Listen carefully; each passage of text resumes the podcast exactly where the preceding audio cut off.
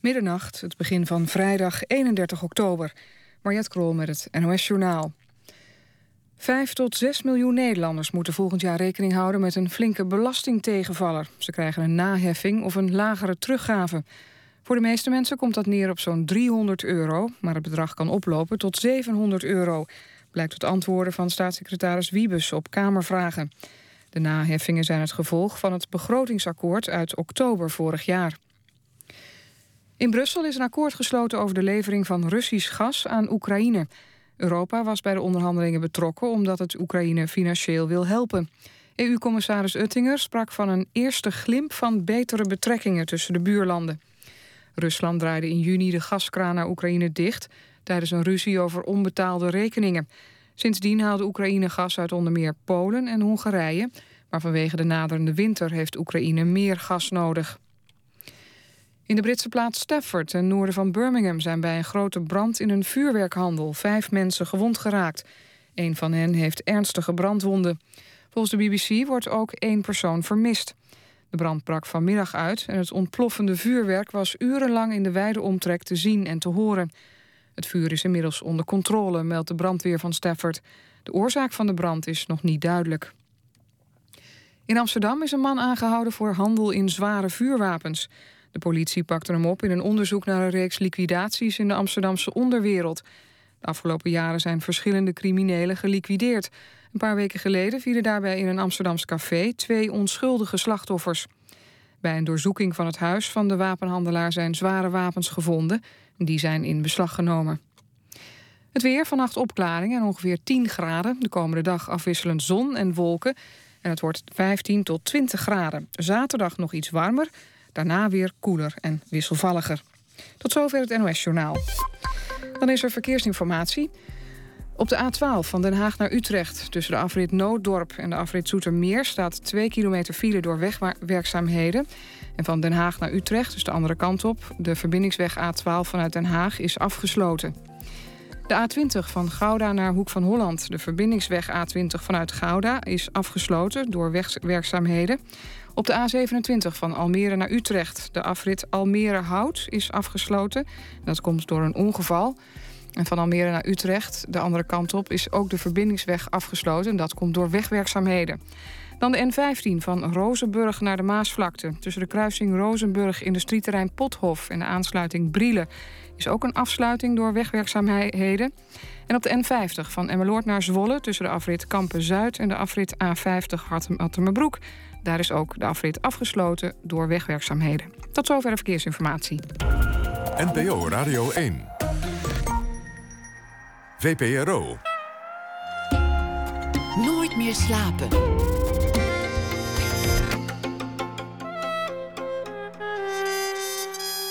Met Pieter van der Wielen.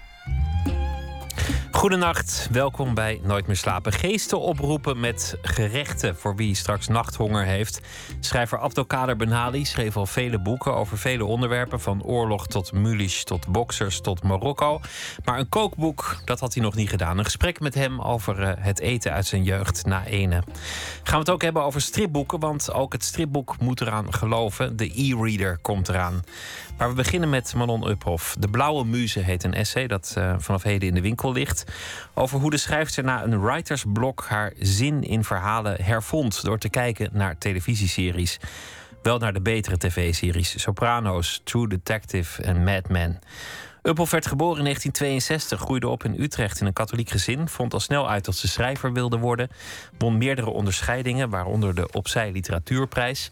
Schreef uh, zowel romans als essays als korte verhalen, maar werd toch het meest bekend vanwege die uh, enorme eh, hoeveelheid korte verhalen. Welkom. Goedenavond.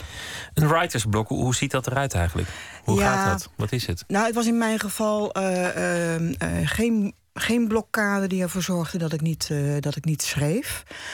Um, het was eerder dat ik het vertrouwen in het, in het, in het vertellen van verhalen een beetje aan het kwijtraken was. In het nut ervan? Of in, of in ja, in, nut is een raar woord als je het hebt over, over schrijven en over verhalen. verhalen schrijven of romans schrijven. Want dan moet je die gedachten aan het nut sowieso een beetje zien, zien uit te schakelen. maar ik denk dat dat, dat, dat op een gegeven moment bij mij begon te storen. Dat ik me afvroeg. Um, ik, ik, vroeg me af of er, of er, nog wel behoefte was aan, aan, uh, aan, het, aan verhalen. Je dacht, waarom zou ik? Ja. Niet zo heel gek, want er is zoveel somberheid in, in de literatuur. Over de ontlezing, over uh, hoe moeilijk het is om nog een schrijver te zijn. Over dat er zoveel schrijvers zijn.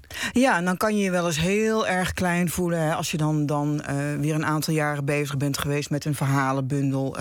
zeker het korte verhaal heeft het dat. dat uh, roept ook iedere uitgever, heeft het moeilijk. Um, en dan, dan kan je inderdaad wel eens gaan twijfelen uh, aan, aan waar, je mee, uh, waar je mee bezig bent. En het is niet zo. Dus ik heb als schrijver nooit dat wanneer ik schrijf dat ik een gedachte heb aan een, aan een lezer. Maar als af en toe de duistere gedachte opdoemt dat echt helemaal niemand uh, uh, erop zit te wachten. En dat het verhaal, het boek, um, ja, met uitsterven bedreigd wordt. Dan, dan ik merkte dat dat invloed had. Je hebt je een beetje de put in laten praten. Ja, ja. Dat, Maar dat, dat, is, dat is nogal een grote gebeurtenis. Want dan, dan heb je ooit jong besloten dat je roeping in het leven moet zijn om te schrijven. Ja. En op een zeker punt in het leven kom je, kom je ergens waar je denkt, ja, waar doe ik het eigenlijk voor? Ik zou het net zo goed niet kunnen doen. Heb ik er nog wel zin in? Is ja, de honger er nog wel? En dat moet je ook, een, ook weer, weer een beetje breder trekken dan alleen uh, op het vlak van, uh, van schrijven. Uh, er waren op dat moment ook wel dingen in mijn eigen persoonlijke omgeving. die die al geheel tot twijfels over het, over het leven brengen. Maar ook, ook bijvoorbeeld dat, je, dat, ik, dat ik na ging denken: ja, het gaat niet alleen om wat, wat ik wil vertellen en wil schrijven. Het gaat ook om de verhalen die andere mensen zijn. De mensen die ik om mij heen heb. En um, ik had af en toe het idee, die levens die, die, hè, die um, spelen zich af. Of daar ben ik dichtbij. En het lijkt wel alsof ze in het, in het geweld van, van onze huidige tijd. Um, ja, eigenlijk vermorzeld worden. Die verhalen van, van mensen, ook als ze niet opgetekend zijn. Uh, ook de mensen die, die uh, dat niet zelf opschrijven... of die niet uiteindelijk uh, onderdeel van een verhaal worden. Ik, ja, ik vond het een heel, heel naar idee. Dat, dat waar, waar blijven al die geschiedenissen? Waar, waar blijft het... Um, het zicht op al die echte levende, ademende mensen om me heen, waarvan er dan sommigen ineens ziek worden en, en overlijden. En dan nou, uh, kom je aanraak met vragen als hoe gaan we. Hoe gaan we daarmee om? Mag ik, over, mag ik over die mensen nog wel praten, bijvoorbeeld? Dan kom je erachter dat in Nederland uh, praten over de doden heel raar gevonden wordt. En op de een of andere manier, door het kijken naar die series, um, werd dat allemaal weer makkelijker. En kwam, uh, kwam uh, de verrukking van, van, van ja, die oude liefde voor het verhaal kwam weer helemaal terug. En voor die universele verhalen.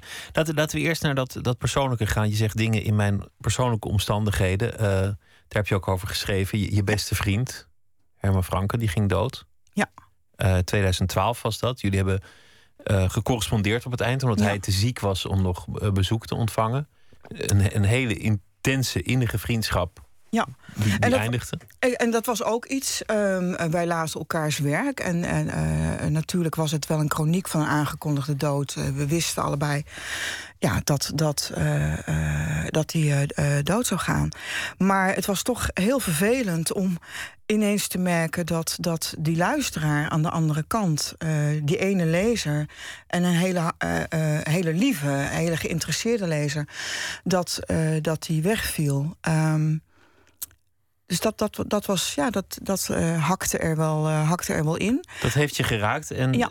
um, als ik het goed begrepen heb, ben je daarna ook in een, in een flinke relatiecrisis terechtgekomen. Ja, dat, was, dat liep allemaal ongeveer gelijk, uh, tegelijkertijd. Ik heb in 2009, toen heb ik het niet geschreven, maar toen kwam de roman De Spelers uit, ehm, waarin een, ja, die een flinke basis had in, in, de, in de werkelijkheid. En. Ehm, nou, dat zorgde voor allerlei, allerlei problemen en, uh, en conflicten in, uh, in de relatie.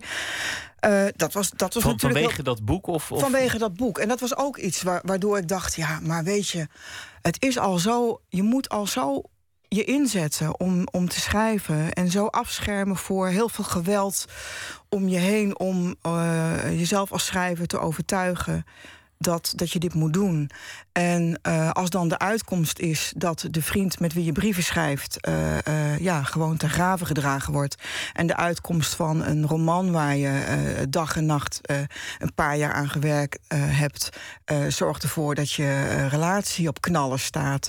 Als de mensen die ik soms in verhalen beschrijf helemaal niet blij zijn dat ik ze opvoer. Dat zijn allemaal dingen die, die, die meewerken. En als, als je dat dan plaatst in nou, in onze huidige tijd, waarin uh, het, de literatuur als geheel ook onder druk is komen te staan, begrijp ik achteraf wel een beetje van. Goh, waar die, dat, waar die dip van de. Dat die, is iets. ja. Wat, wat heel veel schrijvers hebben uh, in, een, in een situatie als dit. Je hebt een boek en je wordt Ja. geïnterviewd, maar ook in, in het dagelijks leven.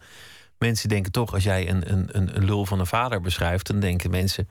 Die schrijver had een lul van een vader. Ja, dat is uh, soms heel lastig. Ik weet dat ik in mijn debuutbundel in, in, een verhaal hartstochtelijk heb geschreven over een slagersgezin. En ik heb uh, nog heel vaak moeten uitleggen dat. Dat je ouders geen dat, slagers nee, waren. dat. dat uh, ja. Maar, dat dan, is, maar ik heb nog nooit gehoord dat het echt tot een relatiecrisis leidde. Dat, dat het bijna misging met, met de liefde. Wel achteraf, dat hadden, gisteren hadden we had de Jongstra hier, dat, dat was uh, achteraf. Maar, ja, ja, dat, ja. maar, maar niet dat, dat iemand bijna wegging vanwege een boek. Ja, nou ja, dan, dan ben ik uh, de schrijver waar dat bij gebeurde. Ja. Maar het is goed gekomen. Ja, ja, het is goed gekomen. En het is ook, ook met mijn liefde voor het verhaal uh, uh, goed gekomen. En met de overtuiging dat dit is wat ik het beste kan. Uh, en, en, en het liefste van alles doe. Je bent eruit gekomen. Daar, daar gaan we het straks over hebben, die, die series. Maar een goede vriend dood. Twijfel aan je vak. Ja. Een relatiecrisis. Die, ja. die nou ja, erin hakte. Die erin hakte omdat het, Ja. dat het kantje boord was. De, de, de vraag was er, gaan we eigenlijk nog wel door samen? Zijn we Mhm. nog wel samen? Is het er nog? Was dat het of, of waren er nog meer dingen? Bijvoorbeeld Nou- je ouders. Nee, die zijn. eh, eh, nou ja, misschien wel een beetje. Eh, ehm, ik wil er niet een heel somber verhaal van maken. Die zijn eh, gewoon eh, fijn oud geworden en op een mooie, zachtaardige manier overleden. Maar dat eh, doet er niets aan af dat ik ze gruwelijk kan missen. Ik kom uit een heel erg groot gezin. En het is heel, een hele rare gewaarwording als je in de loop van de tijd iets wat zo vol en zo groot was en ook zo opeengepakt in één woning, als je dat geleidelijk aan door de tijd eh, ziet worden en ziet versnipperen en, en vervagen en vergaan. En er zijn nog wel eens momenten dat ik het bijna niet kan geloven. Dat ik denk, ja, hoe kan dat nou? Een huis waar 13, 14, 15 man in rondhosten en klosten en geluid maakte en at en dronk en ruziede en leefde en sliep. Dat is, hoe kan ik nu ineens in mijn eentje achter een bureau zitten? Waar is dat vandaan gekomen? Um, het duurt bij mij altijd heel erg lang voordat ik besef hoe de realiteit eruit ziet. De, uh, bijvoorbeeld met, met Herman Franke duurde het ook heel erg lang. Ik kwam er eigenlijk pas uh, bij mijn schok dat, dat hij ziek was achter dat we zo bevriend waren. Of dat het echt mijn vriend was. Een, een, een hele goede, intieme vriend. Ik doe daar kennelijk uh, heel erg lang over om, om, om, om dat te achterhalen. En ik doe er heel lang over om op me in te laten werken wat, wat de realiteit is waarin ik, uh, uh, waarin ik leef.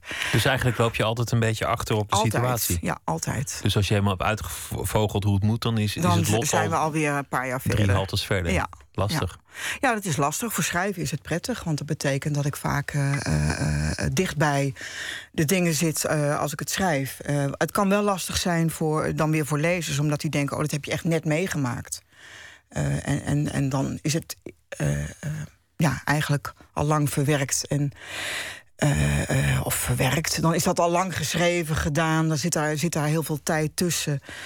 Um, maar het schrijven is, is voor mij ook wel heel erg dat terughalen. En ook schrijven gaat heel erg bij jou over het vertellen van verhalen over, over personages en, en hun uh, goedheid en slechtheid, die vaak heel dicht bij elkaar liggen.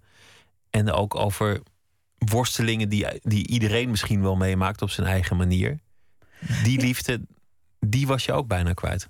Ja, en uh, um, dat, dat, ja, dat is een heel naar, eenzaam, kaal gevoel. En uh, ontzettend leuk om te merken dat toen ik bijvoorbeeld naar, naar Boardwalk Empire keek... en daar dan uh, Steve Buscemi, wat ik een geweldige acteur vind... Um, ja, daar een rol zie spelen die me enorm aanspreekt. Een geweldige, geweldig goede rol, Nucky Thompson. En dan ineens te merken wat ik uh, uh, ooit van, van lezen heel erg leuk vond... en wat ook weer teruggekomen is overigens... is dat fictieve personages... ik heb het idee dat ik in mijn hoofd niet echt een, een zuiver schottensysteem heb. Dat, dat de levende, echte mensen en de fictieve personages... keurig van elkaar gescheiden zijn.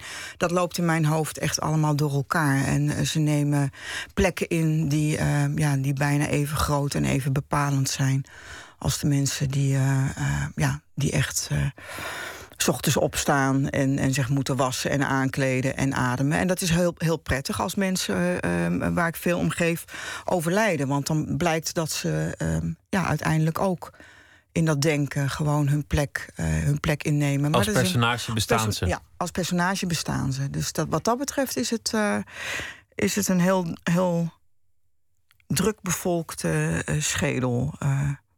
Ik wil straks met je hebben over die series. Want je, want je hebt uh, een, een persoonlijk betoog gemaakt, maar ook een betoog heel erg vanuit de literatuur over die tv-series, waar heel veel mensen uh, naar kijken.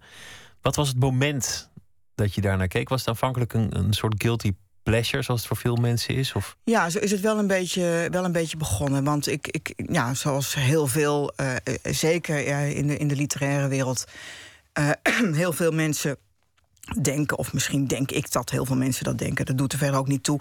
Maar was het inderdaad een beetje van ja, een boek lezen. Als ik zeg, ik heb nu een, uh, dit weekend een boek gelezen van 300 zoveel pagina's, nou geweldig. En als ik zeg, nee, ik heb de gordijnen dicht gedaan en ik heb alle afleveringen van Mad Men uh, bekeken, dat, op de een of andere manier uh, is dat inderdaad een guilty pleasure. Bijna alsof je moet verontschuldigen, alsof je iets heel luis hebt gedaan. En uh, ik merkte gaandeweg dat. Um, ja, dat, dat mijn mening daarover moet bijstellen. Omdat uh, heel veel dingen die ik in die, in die serie zag, doorwerkte uh, na, na, na afloop. Je hebt dan zo'n zo'n uh, drie, vier, vijf afleveringen achter elkaar bekeken. Met helemaal gaar.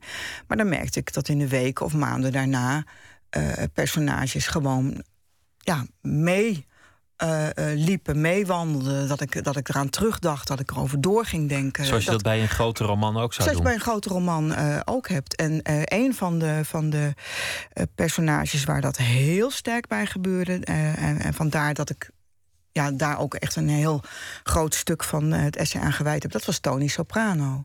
De legende inmiddels. Ja. Zullen we eerst uh, gaan luisteren naar uh, muziek? En dan gaan we luisteren naar iets wat in uh, ook weer zo'n serie voorbij komt, namelijk The Wire. Hm. In aflevering 4 van het tweede geweldig. seizoen. Moordinspecteur Jimmy McNulty. Die luistert naar een liedje en niet zomaar een liedje. Irma Thomas, Ruler of My Heart.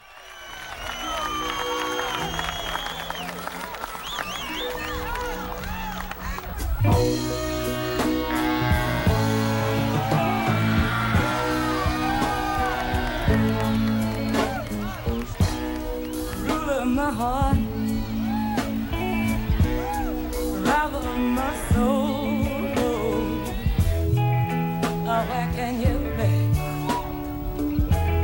I wait patiently.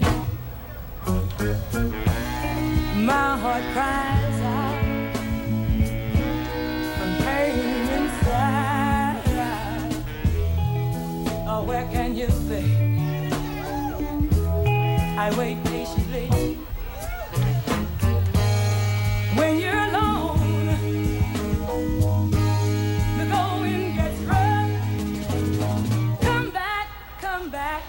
man.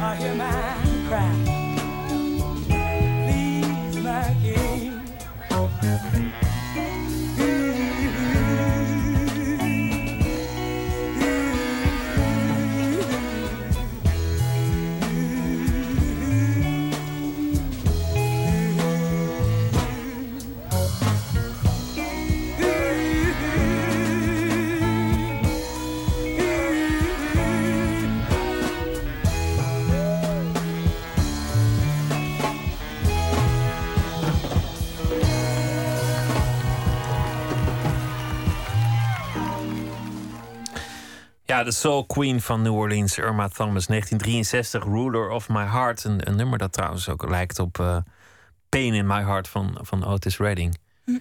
Nooit meer slapen in gesprek met Manon Uphoff. Um, voor jou is dit inmiddels helemaal met die, met die serie uh, verklonken, dit nummer. Ja, ik zie dan uh, Jimmy McNulty in de kroeg met, zijn, met zijn collega's. En trekt wel die sfeer van, van, uh, van The Wire uh, naar boven. Wat een, een, prachtige serie is met een heel fantastische mengeling van, van, van fictie en documentairachtig karakter. Nou is volgens mij iedereen het er zo'n beetje wel over eens, als ik het zo begrijp, dat die series van buiten gewoon goede kwaliteit zijn en, en heel erg interessant. En dat, dat het zo'n enorme bloeiende cultuur is geworden in, in, in relatief korte tijd. En volgens mij is dat, dat, dat schuldgevoel van ik zou eigenlijk een boek moeten lezen, dat, dat komt niet zoveel voor hoor. Dat, dat heeft bijna dat, niemand. Dat is nog mijn, mijn een, een oud katholiek staartje wat ik heb. Uh, ja, of misschien, van, misschien je als, als Ga wilt lezen. Ja, ja ik, ik zelf ik kijk nauwelijks series, heb ik geen tijd voor. En uh, daarom is. Nu ben ik de cultuurbarbaar een keer. Leg me eens uit, wel, welke series uh, moet je kijken en waarom? En, en waarom is het. Waarom is zo'n serie nou bij uitstek zo enorm aansprekend? Nou, ik zat net nog even na te denken over wat ik zei over het belang van, uh, van verhalen.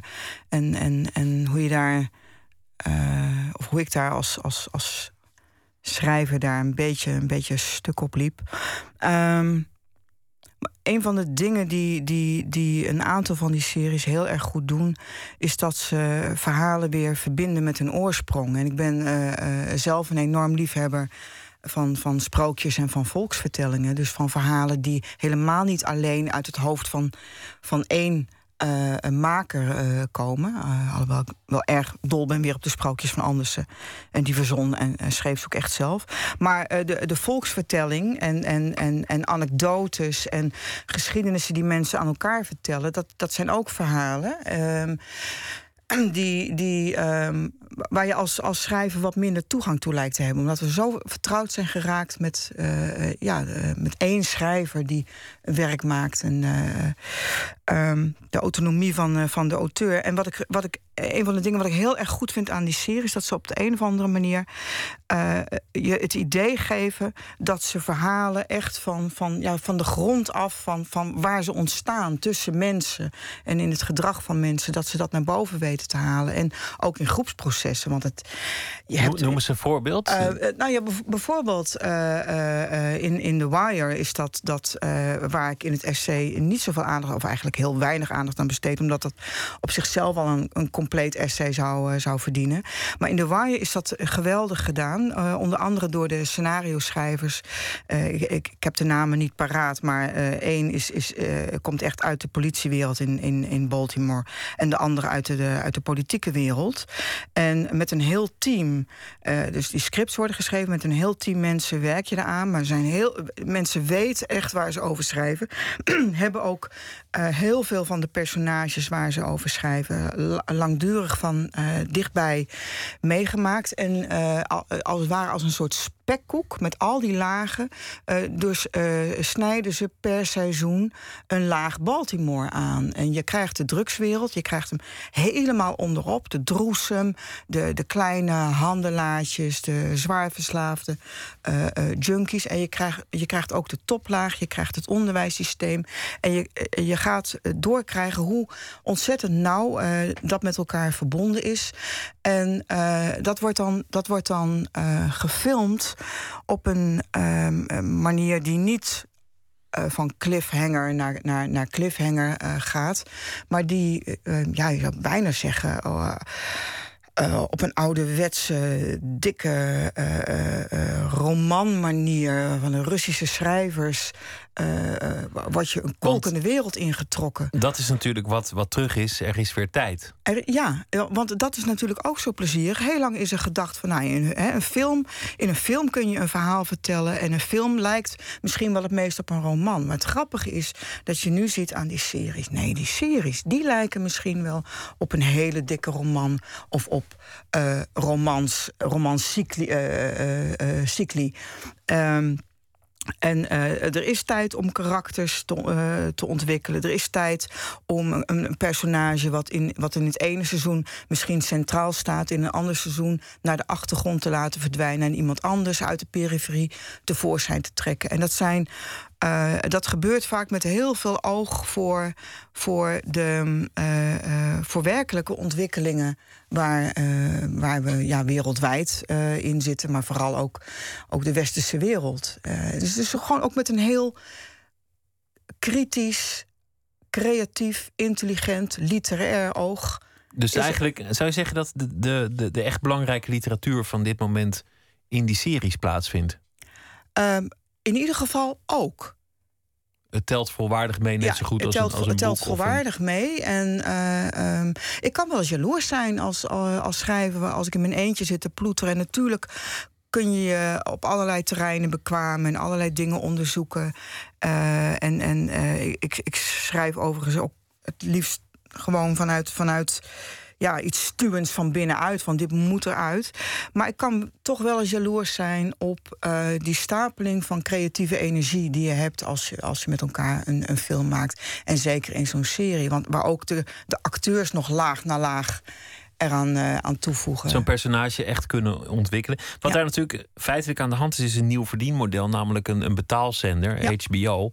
Um, waarmee je ook de menigte van je af hebt geschud. Dus je hoeft, je hoeft, je nergens in te houden omdat er iemand kijkt die er geen zin in heeft. Of die er te preuts voor is. Want ja. er komt vrij Precies. veel ja. expliciete seks of, of scheldwoorden. Ja, ze hoeven zich aan allerlei regels niet te houden. Uh, Want je bent, je bent bevrijd je van bent de bevrijd, mensen die het niet leuk vinden. Ja, en je, je zou kunnen denken van, nou ja, goed, als mensen dan toch massaal kijkers willen trekken, dan, dan is dat meteen een aanslag uh, uh, op de kwaliteit. Want dan wordt er natuurlijk een knieval gedaan voor de massa. En ik vind het heel interessant om te zien dat dat nou juist is wat er niet gebeurd is. En dat dus vanuit een commerciële insteek. Want er is een verdienmodel. Uh, het, uh, het, wordt allemaal niet gratis, uh, niet gratis gedaan. Maar dat, dat, dat er kennelijk toe geleid heeft dat het verhaal zich aan alle kanten heeft kunnen ontplooien en ontwikkelen en verdiepen. Mad Men, dat is een, een, een mooie serie. Het, het speelt in, in, in de tijd dat Amerika nog gelukkig was, zou je kunnen zeggen. Um, of droomde dat het gelukkig was. De, de, de echte American ja. Dream. Maar eigenlijk gaat het ook heel erg over nu. Ja. Omdat het gaat over een reclamebureau. En wat, wat zich toen beperkte, de uiterlijke wereld van het reclamebureau, dat maken we nu via Facebook allemaal mee. Iedereen is een reclamebureau. Ja. Iedereen worstelt met zijn imago en hoe het overkomt. En als het er mooi uitziet, dan, dan ben je eigenlijk al over de helft. We gaan luisteren naar een, een fragment uit deze inmiddels legendarische serie. What you call love was invented by guys like me to sell nylons. Is that right? Pretty sure about it. You're born alone and you die alone, and this world just drops a bunch of rules on top of you to make you forget those facts, but I never forget. I'm living like there's no tomorrow because there isn't one. Ja, alles is bedacht door mensen zoals ik. Het, het gaat over, over die tijd en dat tijdsbeeld, heel mooi neergezet, maar het, het is ook heel relevant voor het heden. Ja, wat ik uh, zo prachtig vind aan, uh, aan, aan Mad Men is dat het uh, je tegelijkertijd als kijker precies ook met, met die vorm en met die droom verleidt. Dus als je daar naar kijkt en je ziet Don Draper in zijn strak gesneden pakken en hij, hij, trekt een la van zijn bureau open en dan ligt dan keurig nog met het, met het plastic eromheen, er ligt dan zo'n stapeltje over hem. Ja, dan, dat is natuurlijk de natte droom van. van, van nou ja, van wie eigenlijk? Het, het, het, het is een, een, totaal georganiseerde wereld waarin nooit een tekort is, waarin alles uh, uh, glad is, gaaf is, niet aangetast kan worden. En, ja, de, de natte droom van wie eigenlijk? Um, misschien ook een beetje van jouzelf. Ja, ja, dat, ja, ja, dat, is, uh, dat is waar. Ik, ik, ik merkte terwijl ik naar, naar Mad Men keek, hoe, dat het me ook, ook heel erg ontroerde. Um, maar goed, daar, schrijf ik in het essay ook over. Ik, ik um, kan me nog heel goed herinneren hoe ik zelf als jong meisje bij mijn, bij mijn vader op het kantoor uh, in Utrecht uh, langskwam. Hij was uh, hoofd van het, toen van het bureau voor de, voor de statistiek. Het was als kind nooit zo duidelijk wat hij deed, maar het was heel erg kantorig. En ehm, ik, ik weet nog wat, wat voor uitstraling die wereld voor mij had.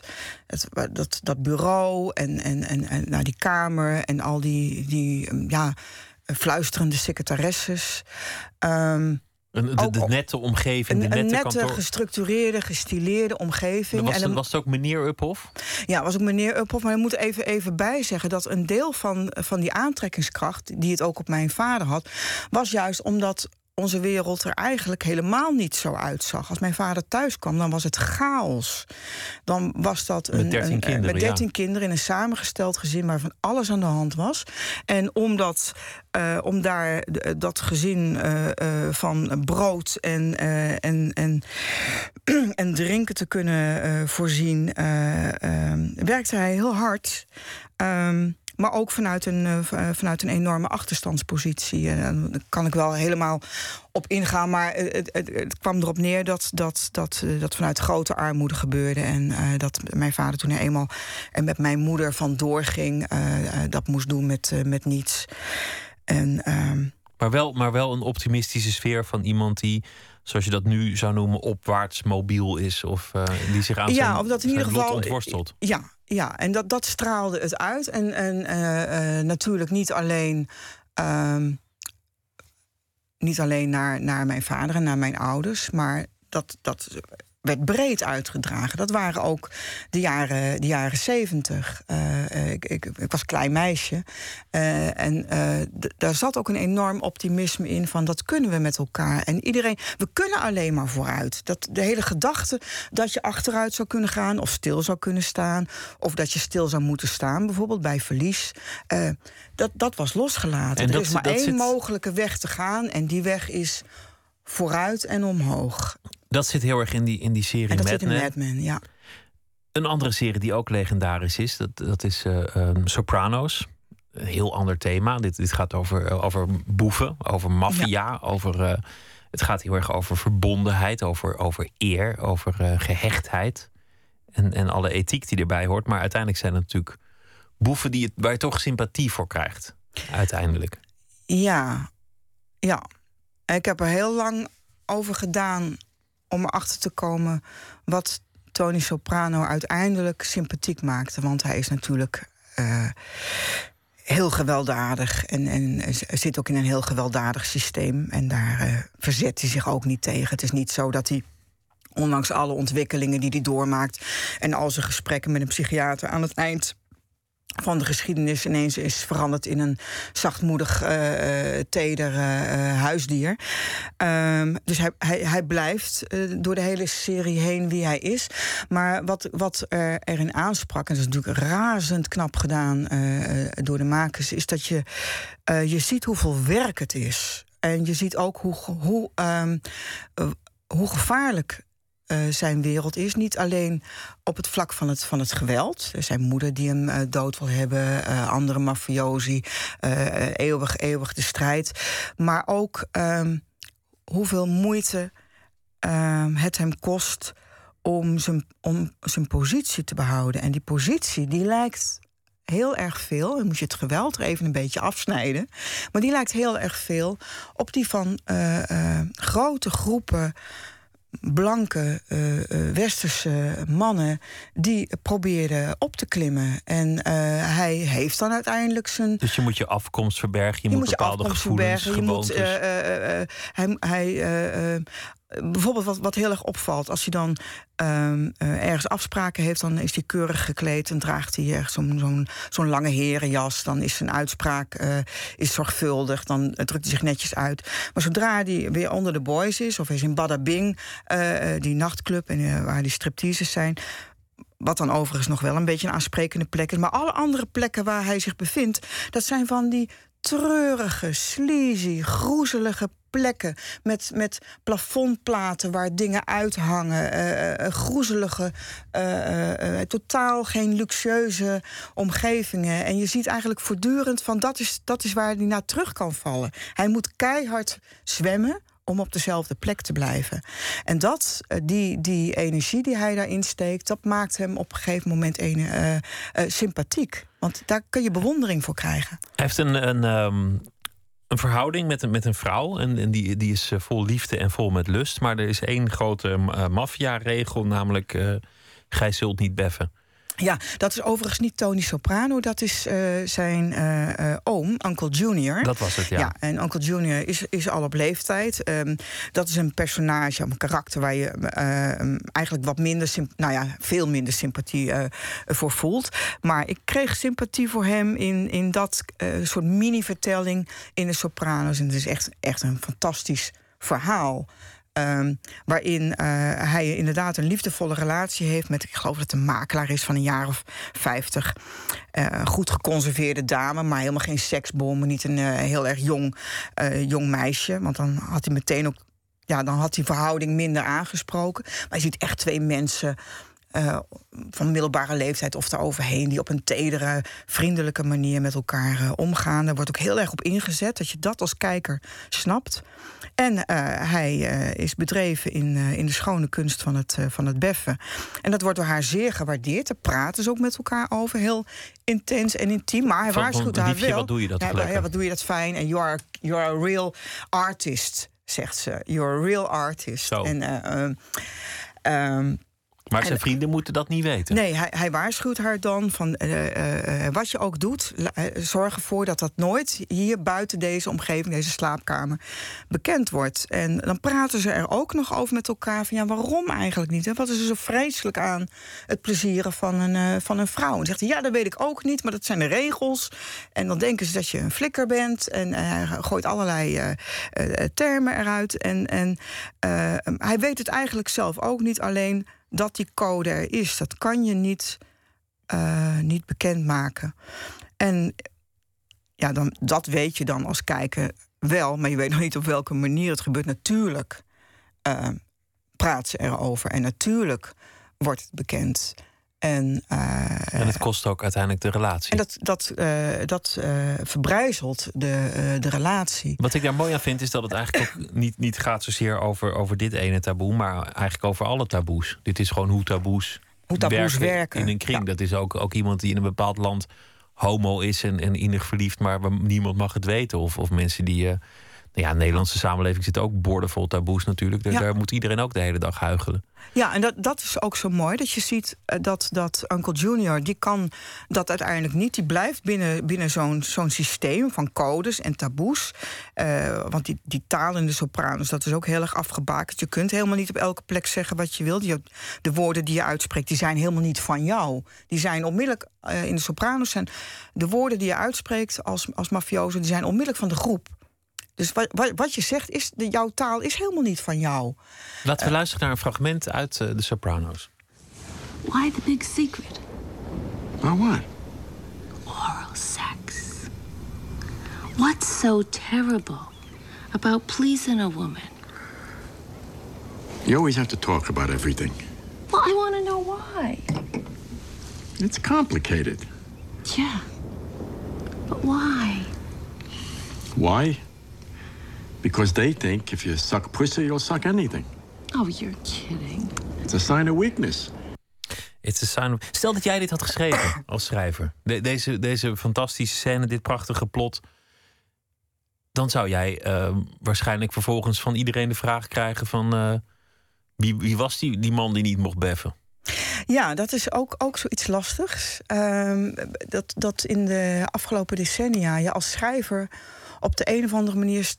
Ik weet niet precies wanneer dat is gebeurd en, en waarom dat is gebeurd, maar ehm, steeds meer voor je boek wordt neergezet. Dus, dus eh, alles wat, wat, wat geschreven wordt, ook als het, als het eh, eh, zuivere fictie is, daar word je, in ieder geval als je in de media over, over je werk spreekt, word je daarvoor geplaatst. En, en, en ja, de een of andere manier verwacht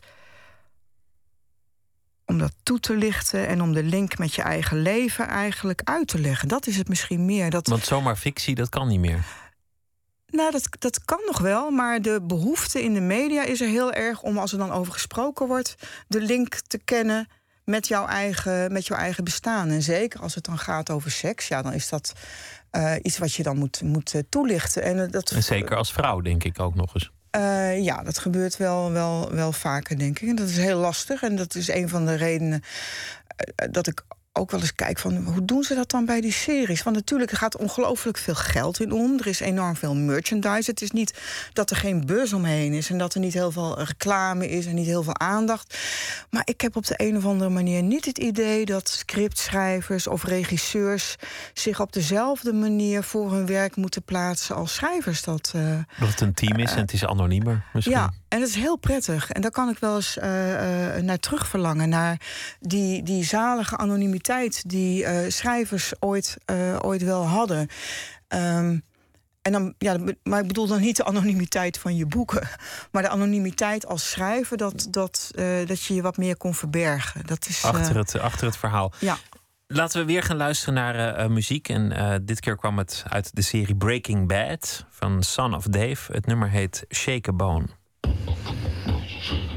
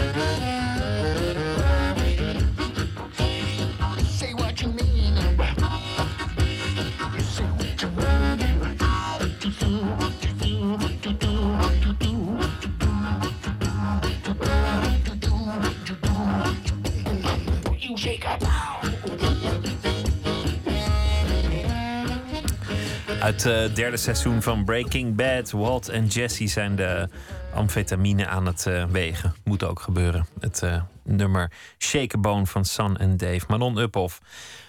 We hebben het gehad over, over de series. Je hebt er een heel essay over geschreven. Um, terloops vertelde je iets over je, je eigen afkomst. Een katholiek gezin in Utrecht met dertien kinderen.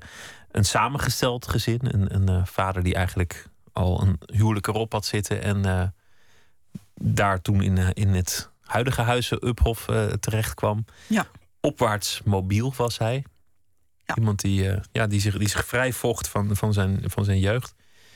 Was het ook echt een heel katholiek nest? Was dat actief ja, daar? Ja, dat vind ik eh, altijd heel moeilijk om daar iets zinnigs over te zeggen. Want eh, ehm, de beeldvorming bij een groot katholiek gezin is, dat is, uh, past zo heel erg niet bij hoe het in werkelijkheid was. Ja, mijn vader was katholiek, mijn moeder niet. Of die wilde dat niet zijn. Die was eigenlijk zo, zo rood als een kroot. en mijn, mijn vader was ook beeldend kunstenaar. Dus. dus Uh, ja, na zijn werk. Want al die monden moesten wel gevoed worden. En dat kon niet met, uh, met uh, schilderijen. Uh, maakte, die, maakte die beeldend werk. En, en viel dat hele katholieke eigenlijk een beetje, een beetje weg. Um, ik weet dat het, het, was een, het was een gezin waarin religie wel een, een rol speelde. Maar vooral vanwege de. ook weer vanwege de, de verhalen. Um, die, die heel belangrijk werden gevonden en waar, waar veel uit werd gehaald.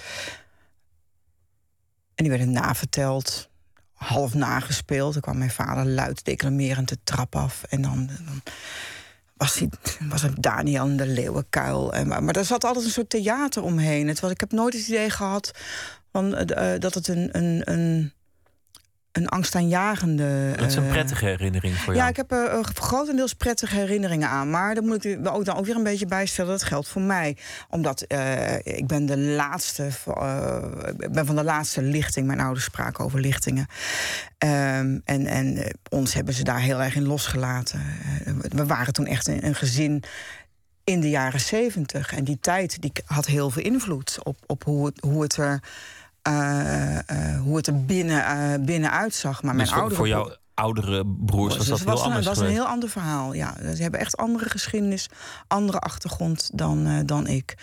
Ja. Je vertelde net over, over je vader op kantoor, de, de, de sfeer die daar hing. De man die, die, zich, nou ja, die zich omhoog aan het werken was. De, de, de, de sfeer van Mad Men, de mooie pakken, de, de mooie kantoren, de, de stevige bureaus. Ja. De meneer en, en de mevrouw. Je vader heeft wel geworsteld in, in het leven. Het is hem niet allemaal goed afgegaan.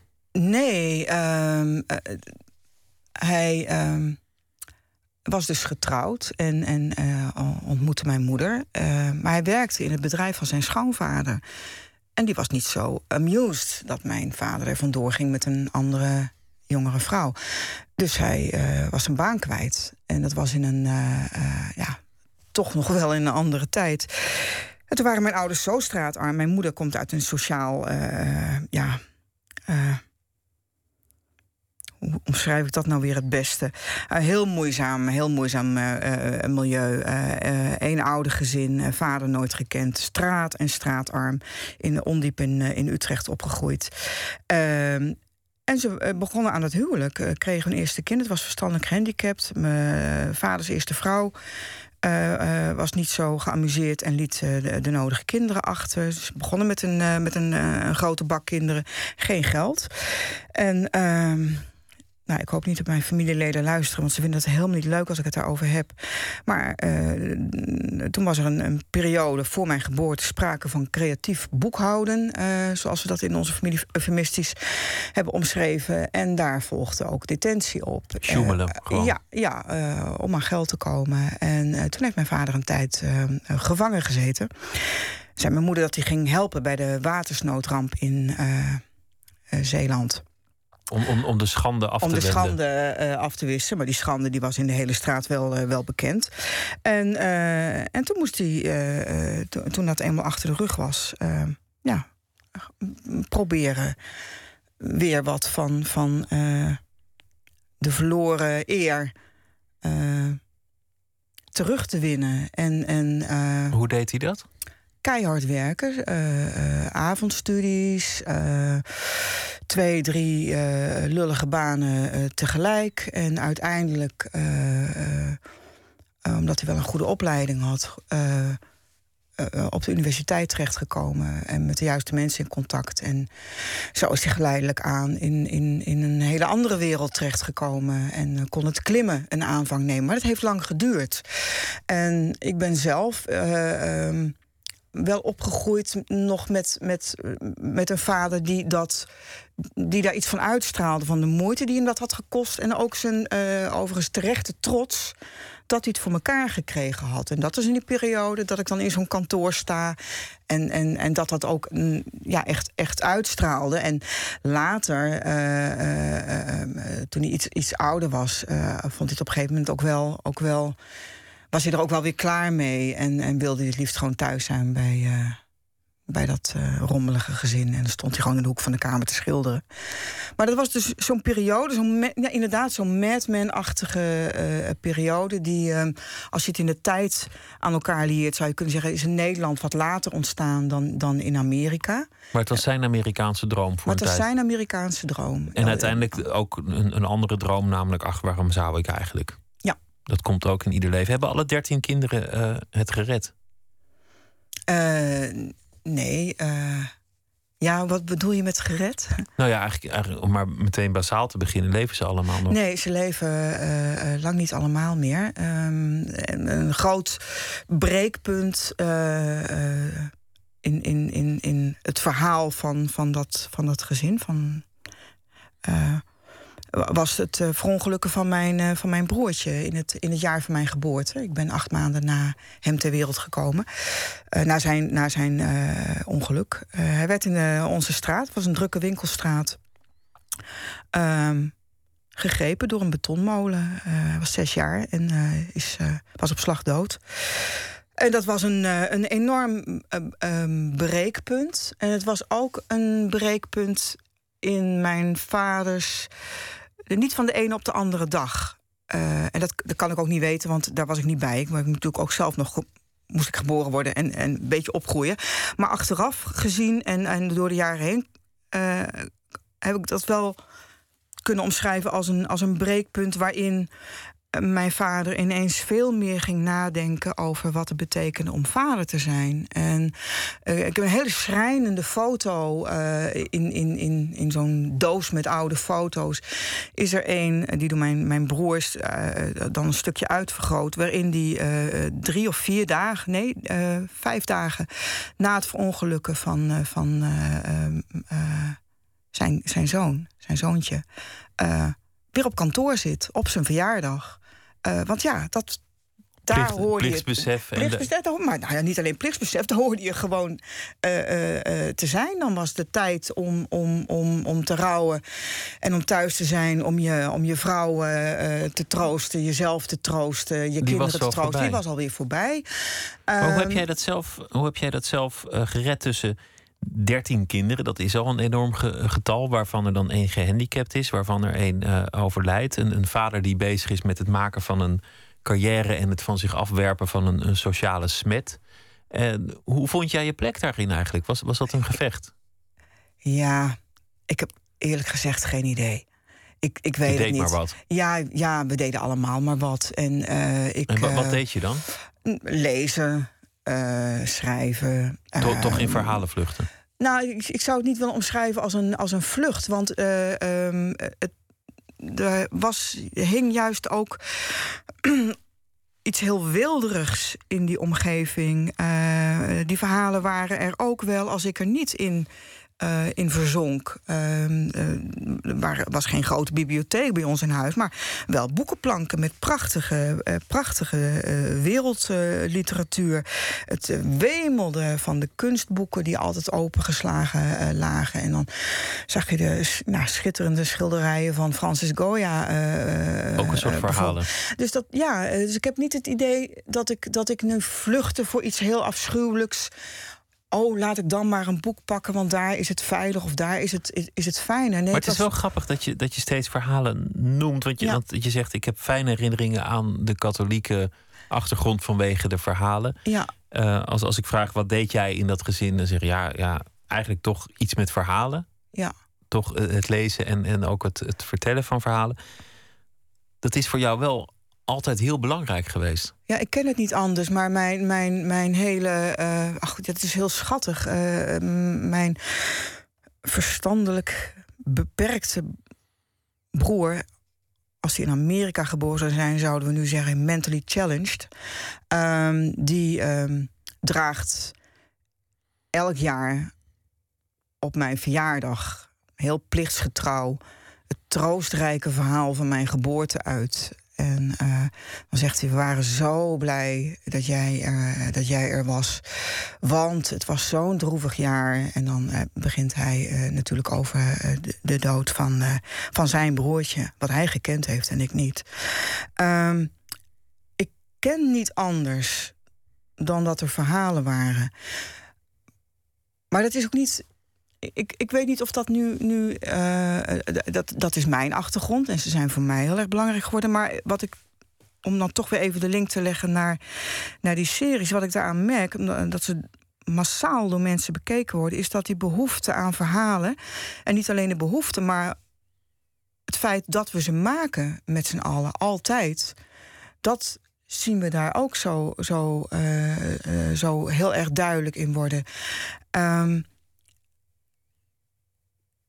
en misschien is, is, is, is dat ook wel een van de redenen waarom ik ze, waarom ik ze zo, uh, zo prikkelend en. Zoals je net zei over je overleden vriend.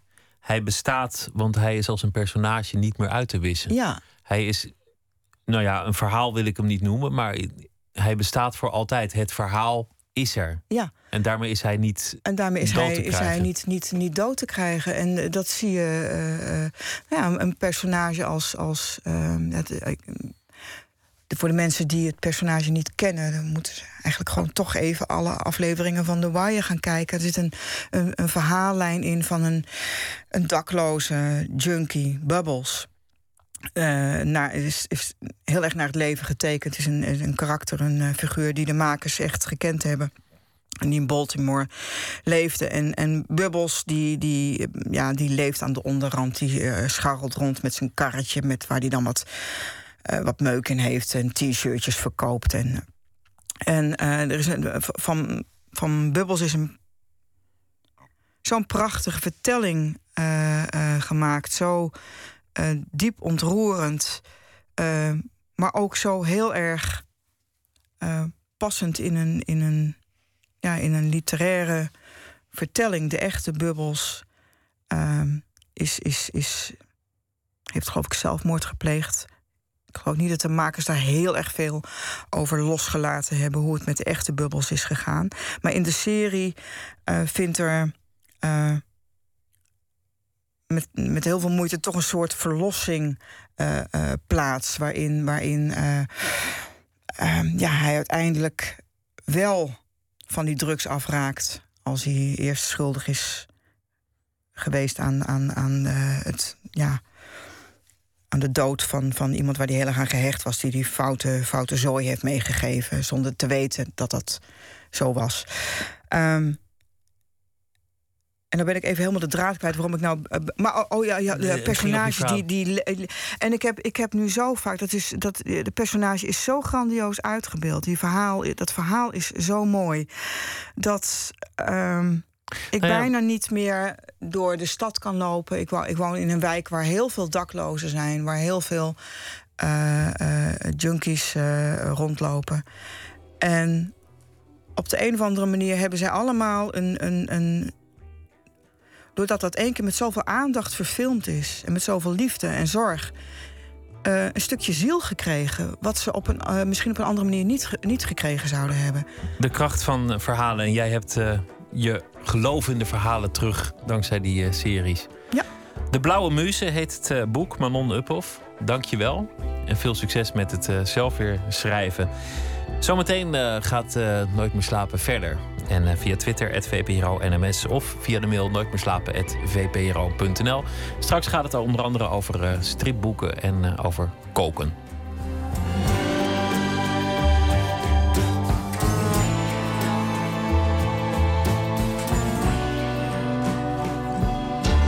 Op Radio 1, het nieuws van alle kanten.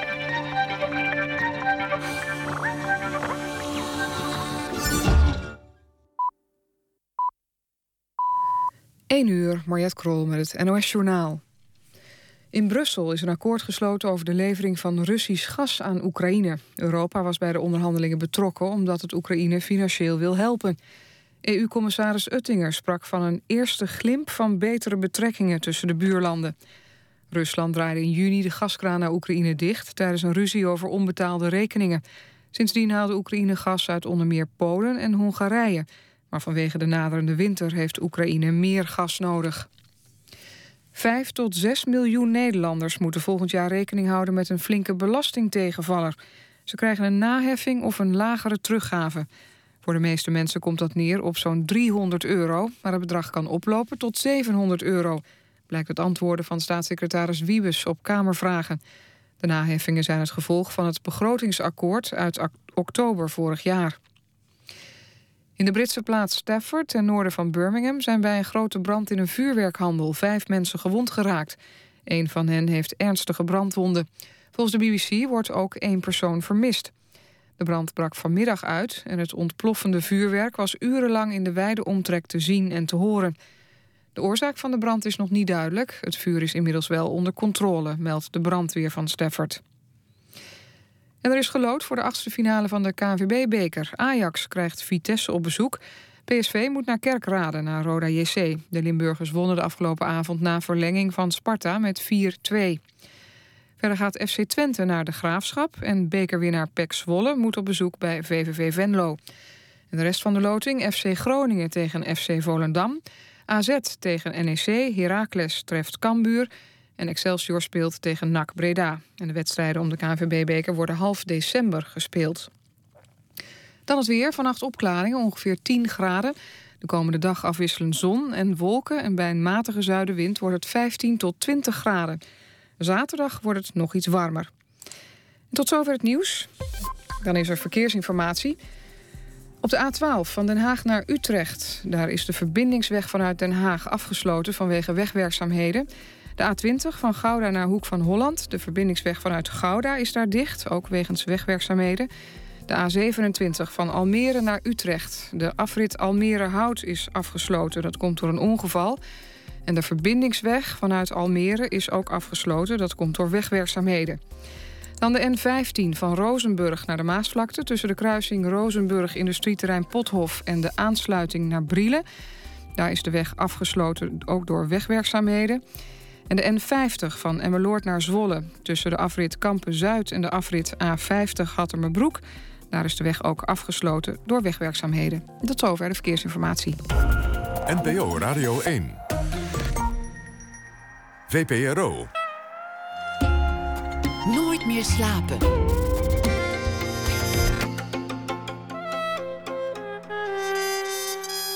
Met Pieter van der Wielen. U luistert naar Nooit meer slapen. Elke Geurts is uh, schrijver. Het besluit van Dola Kostjens heet de verhalenbundel waarmee ze in 2008 debuteerde. Tweede bundel verscheen twee jaar later, Lastmens. En eind vorig jaar verscheen haar eerste roman De Weg naar Zee. Goedenacht uh, Elke. Goedenacht Pieter. Je schrijft deze week elke dag voor ons een verhaal over de afgelopen dag. En wat die uh, betekend heeft in het nieuws of voor jouzelf. Wat was het voor dag? Um, um, vandaag las ik in de krant over het onderzoek uh, naar dementerende bejaarden... dat die thuis uh, met dwang worden verzorgd. Heel veel, steeds meer. Wat dus was dat voor... Uh, vertel eens. als ze thuis wonen, dan, um, dan worden ze vastgebonden en, en bedhekken worden opgezet. En, en ze, terwijl in verpleeghuizen gaat het beter, gaat het beter aan toe... Maar thuis zeggen veel, de mensenbejaarden zelf ook, vier op de tien thuiswonenden, zeggen dat ze te maken hebben met een vorm van vrijheidsbeperking. Maar ik vind het wel gek dat, vier, dat die dementerenden dat zelf zeggen, kunnen zeggen. Maar goed. Ja, dat weet ik ook niet hoe dat, uh, hoe dat precies werkt. Maar... Hoe dat onderzoek dan precies werkt, ja. Want, uh... Maar misschien hebben ze... Ja, je hebt soms ook heldere momenten of, uh, of dat soort dingen. Je hebt ja. een verhaal geschreven. Um, ik ben benieuwd, laat horen. Ja. Uh, het is ochtend. Er zit een vriendelijke vrouw die nog... Wacht even, het is ochtend. Er zit een vriendelijke vrouw die nog maar weinig geheugen heeft... vastgezet in haar rolstoel... vastgebonden aan haar eigen tafel... in haar eigen huis. Het was haar grootste wens om zo lang mogelijk zelfstandig te blijven wonen. Ze kijkt vanuit haar raam, twee hoog, uit op een mooi middeleeuws plein. Daar beneden, op de kinderkopjes, staat haar dochter Brenda in een zware zwarte mantel uitzinnig naar haar te zwaaien en te lachen en kushandjes te sturen. De vriendelijke vrouw mag dan niet veel meer weten, maar heel scherp heeft ze nog de dag voor ogen dat zij degene was die de kusjes naar de kleine bange Brenda blies. Ze trekt de deur van de peuterette achter zich dicht, het kindergezichtje plat tegen eruit gedrukt. Ze herinnert zich het moment dat zij degene was die zich omdraaide. Als Brenda in pas van haar moeders raam wegloopt, lopen de tranen over haar wangen. Van opluchting houdt ze zichzelf voor. Het is maar voor een paar uur. om de tijd dat ze alleen is zonder vallen of verdwalen te kunnen overbruggen. Voor ze in de auto stapt, kijkt ze nogmaals naar het grijs-blauwe hoofdje in de verte. Een stipje achter het glas. Het is goed zo. Ze is het zo weer vergeten, dat scheelt. Haar moeder heeft een prachtig uitzicht op het plein. Vanuit haar positie zou ze in principe kunnen zien hoe de ooievaar in het nest op een van de schoorstenen van het stadhuis haar kleintjes grootbrengt.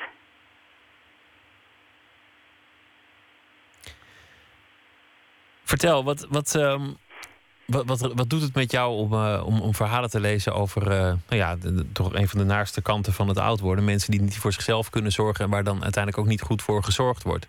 Ja, wat het met mij doet. Ja, waarom, uh, waarom trok dat vandaag jouw aandacht? Ja, dat vroeg ik me eigenlijk ook af. Waarom dat vandaag mijn aandacht trok. Nou, omdat het zijn, die dementerende bejaarden, die kunnen helemaal, die hebben al zo weinig, ze kunnen zich helemaal niet verweren. En dan gebeurt dit.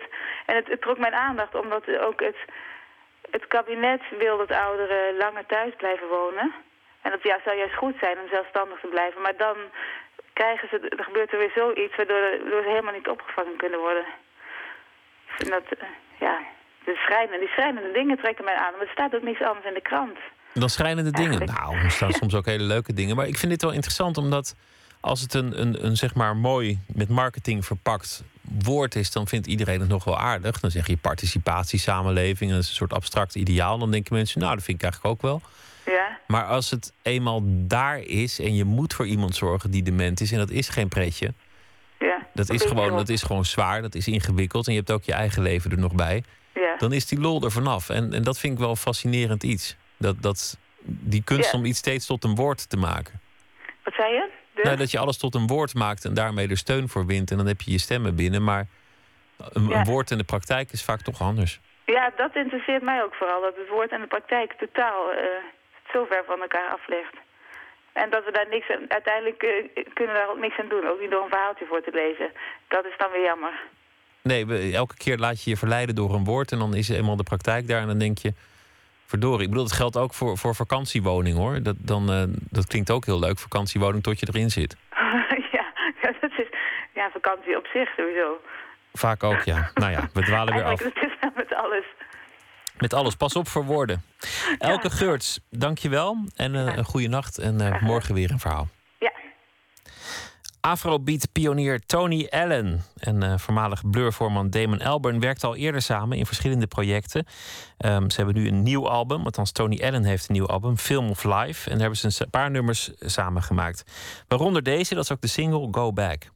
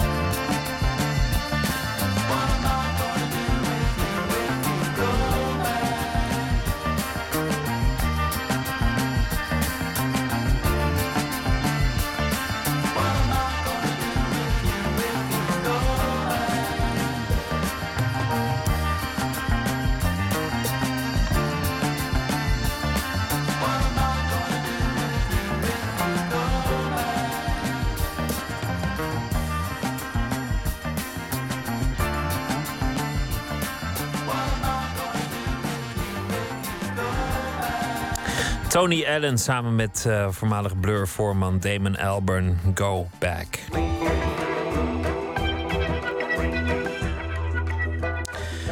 Schrijver Abdelkader Benali heeft eh, na zijn bijzonder succesvolle debuutroman Bruiloft aan Zee over heel veel verschillende onderwerpen geschreven. Van het conflict in Libanon tot kickboxers via Harry Mulisch en zo nog wat dingen. En nu heeft hij zich samen met zijn vrouw Saïda gericht op een eh, verrichtingen in de keuken. Casa Benali heet het. En daarin vertellen Abdelkader en Saïda over het koken, de weerbarstigheid van de aubergine en de schoonheid van de Marokkaanse keuken. Verslaggever Maarten Westerveen mocht langs bij de Benalis, waar Abdelkader Shakshuga voor onze reporter bereidde. Andere woorden, maar doe het gewoon. Dit is het enige gerecht dat ik heb opgeschreven. Uh, pak een uh, vleestomaat, olijfolie, koriander, komijn. Groene peper, ja, dat moet er ook in. Want dit gerecht, dit is trouwens een gerecht van mijn vader.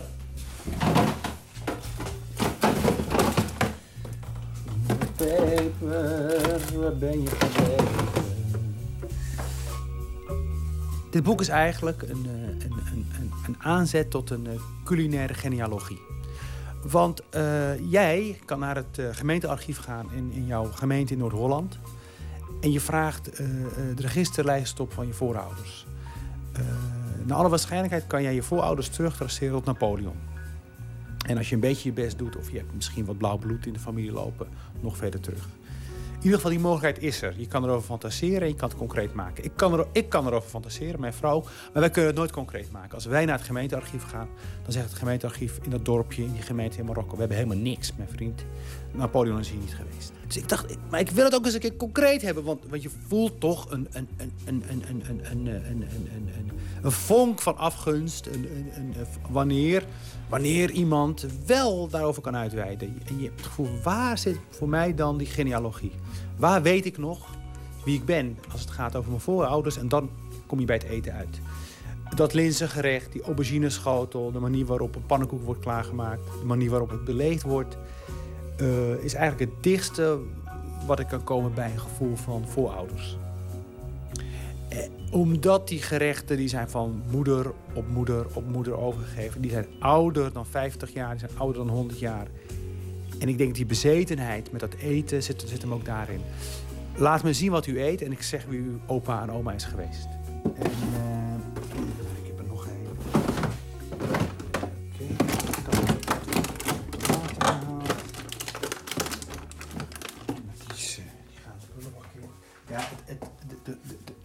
van de moderne tijd is dat je met die koelkast altijd te veel in huis hebt. Het raakt dan bedorven en dan uh, moet je alles weggooien. Hé hey, jongen, Pinto.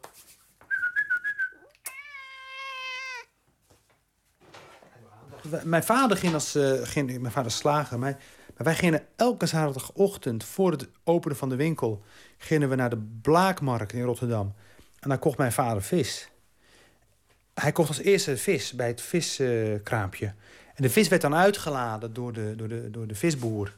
En hij wist dan precies welke vis hij wilde hebben. En ik vond daar grote schoonheid in zitten. Ik vond het van een grote klasse dat die meneer, die, die, die, die, die, die knorrige man die ik mijn vader noemde, dat hij in staat was om feilloos de meest verse vis uit te, eruit te halen uit die honderden kratjes die naar buiten werden gebracht. Dus ik heb altijd gedacht, als je naar de markt gaat, dan moet je zijn, dan moet ik zijn zoals mijn vader. Ik moet, ik moet een soort van sluipschuttersoog hebben voor net dat ene superverse artikel waarvan ik weet dat als ik het klaar maak, dat iedereen er enthousiast over raakt.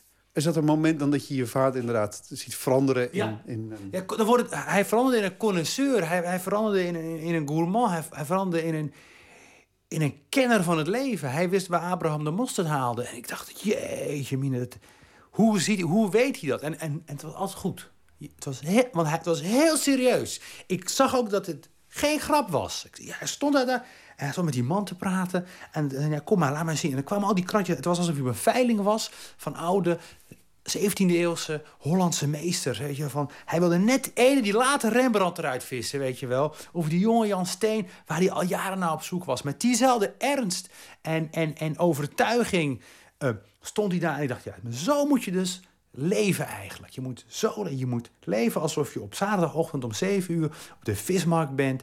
En je mag het allerbeste kratje uh, vis eruit, eruit halen. Let goed op. Kijken, observeren en voelen. Een gevoel voor het juiste moment kweken. Ik, wat ik, het, een van de mooiste dingen die ik aan, uh, aan koken vind ik toch wel het, uh, dat het, dat het nagenoeg bijna altijd ook iets oplevert. Dat je het gevoel van prestatie, zie je? Ik ben niet ja. helemaal nutteloos. Ja, ja, ja klopt. Ja, nee, absoluut. Nee, alles wat ik net zeg, het, het is eigenlijk uitdrukking van, uh, kijk eens hoe goed ik ben in zelfbehoud. Dit lukt mij. Ja, kijk eens. Ja, tuurlijk. En dat, dat mag ook. Je moet er ook van genieten. Laat ons ervan genieten. Kijk, kijk ik, ik kom natuurlijk uit een, uit een gemeenschap die in de media onder vuur ligt. Hè? Oh ja? Ja, oh ja Marokkanen moeten dit, Marokkanen moeten dat. En uh, waarom deugen ze niet, waarom willen ze niet. Maar het gaat nooit over de, de, de zucht van genot van Marokkanen. Van dat ze ook nog gewoon hier op aarde zijn om te genieten van de dingen. En als ik dan hier sta, dan zeg ik, kijk, ik geniet ik heb het recht om te genieten en ik maak er 120% gebruik van. Maar link je dat, dat gevoel dat je nu uit... Dat, ja, uh, link je dat ook aan het Marokkaan zijn in dit geval, in de Marokkaanse keuken? Ja, ik, ik, we, zitten, we zijn lekker nu vrij aan het kletsen. Maar er zit wel iets van wraakneming in, ja. Want je, je moet zoveel, hè, als je met de krant openhaalt, de tv of de radio. En maar eigenlijk sta ik hier gewoon net hetgene te doen wat ik niet mag van de maatschappij. Namelijk genieten van mijn positie als burger in dit land. Want er wordt nooit gezegd, geniet er nou eens van. had altijd gezegd, je moet dit, je moet dat. Nu zeg ik, nee, ik doe iets wat totaal onbeduidend is, namelijk genieten. Nu gaan we zwemmen. Oké.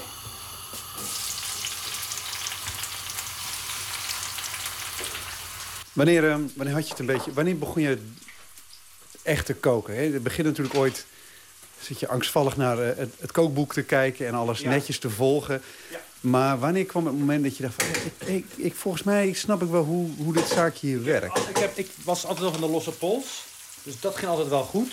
Het moment dat ik het... ehm, dat ik het ehm, dat. Het moment dat ik... ja, ik zie, oh, die kleurt goed hoor, dit. My god, wauw. Ja, die kleuren zijn goed zeg. Potverdorie. Oh, oh, oh, oh, oh, wat ziet er zo goed uit. Een beetje. Ik kookte uit de losse pols, want ik, ik, ik- in, in die zomers van, eh, van de jaren negentig eh, ging mijn vader op vakantie met de familie en dan bleef ik achter in de slagerij. Het was dan heel rustig in de zaak, echt heel rustig. En ik, wat ik dan deed was, dan las ik W.F. Hermans en kookte ik. Ja, echt waar. Ik heb, toen, ik heb bij het hele euro van W.F. Hermans in één zomer gelezen en mezelf toen ook leren koken. Dat die man toch eens mocht weten dat dit de combinatie Hij was. leefde toen nog. Ik had hem een brief moeten schrijven. Meneer Hermans, u moet wel u moet weten dat ik uw werk... dat ik nooit meer slapen gisteren... tussen de lamskoteletten en de kalfsbiefstukken heb verorberd. Ja, dat is echt zo. Dat is echt... Ja, dat was een fantastisch tijdje. Komt nooit meer terug. Nou, kijk, dit werkt goed, hè? Zie je? Hij is lekker bezig om zich op zijn gemak te voelen, die gele paprika. Ja, man. Nou, voor 20 minuten gaan we eten. Fantastisch. Ik doe dan een klein beetje Larissa erbij. Ja, ik dan mijn eigen recept terug. Dat is dan laf natuurlijk voor mij, want ik, moet het gewoon uit mijn, uit mijn hoofd kunnen, maar ach, het mag. Ik heb met de eieren gebroken boven de shakshuka. Dit is, dit is waanzinnig. En nu zie je het gebeuren. Dit is pure alchemie. Die twee eieren heb ik eh, gebroken. Die, die, ja, die zweven nu boven, boven het papje van paprika en tomaat. En heel langzaam komt nu, bijna alsof je aan het ontwikkelen bent in de donkere kamer, komt het wit naar boven van het, van het eiwit. Het eigeel, dat is er. Maar nu komt het wit naar boven.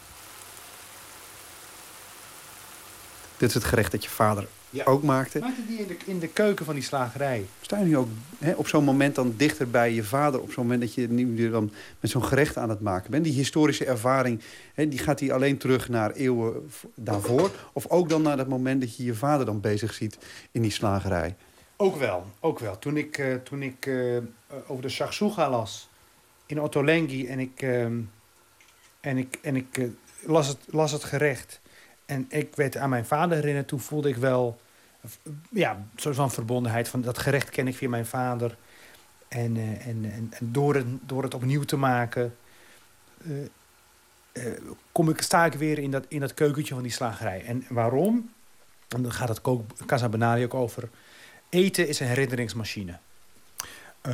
De pannenkoek van je moeder, de oliebol op Oudejaarsdag, in die sla, eh, dat, dat eiergerecht, dat brengt je terug. Het, het slaat aan op een deel van je hersenen. Het slaat aan op het literaire kwartier in je hersenen. Dat gedeelte waar alle sensaties ehm, eh, eh, niet begraven liggen, maar opgebaard liggen. En die en geuren brengen ze tot leven. Die maken ze wakker. Heel specifiek, heel gedetailleerd. Nooit, maar dan ook nooit eh, algemeen, maar altijd dat ene moment. Dat kunnen alleen geuren. Alleen geuren kunnen dat. En ik denk dat eh, door te koken doen we eigenlijk aan geesten oproepen. We roepen de geesten van de herinnering op. We, zeggen tegen ze: ruik dit gerecht en kom terug. Het oproepen van geesten door middel van koken. Misschien ook een eh, leuke gedachte voor Halloween. Abdelkader Benali was dat in gesprek met eh, Maarten Westerveen over het koken. Het boek Casa Benali, dat hij samen met zijn vrouw Saïda heeft geschreven, is eh, verkrijgbaar bij de betere boekhandel. Ze had net eh, Tropical Brainstorm uitgebracht, misschien wel haar beste plaat tot nu toe. En toen een duik in de Mexicaanse wateren.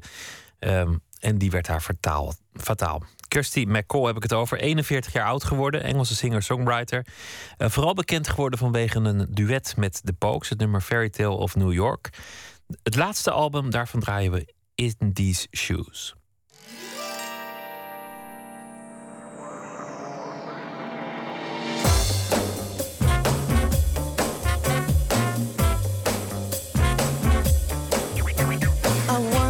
A man with a sense of adventure. He was dressed to thrill wherever he went. He said, Let's make love on a mountain top, under the stars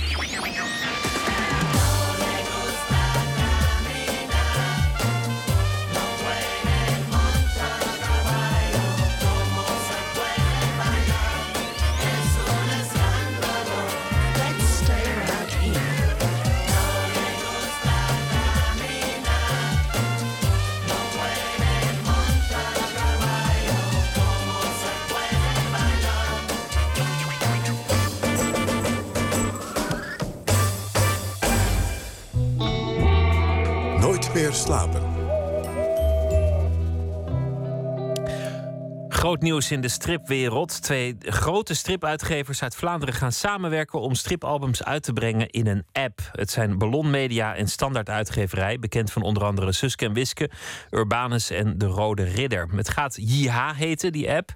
En je kan straks eh, strips kopen, huren en eh, je abonneren op allerhande stripalbums. Wat gaat dat betekenen voor de stripwinkel? Nachtcorrespondent Botte Jellema, goeienacht. Goeienacht. Was dat er eigenlijk nog niet, het, een e-book voor stripalbums? Nou ja en nee, want bijna elke stripmaker die heeft wel zo'n beetje zijn eigen app. Zelfs die van eh, uitgeverij Standaard, die dus aan JH meewerkt. eh, die heeft apps van eh, bijvoorbeeld Suske en Wiske en nou die andere die je net opnoemt.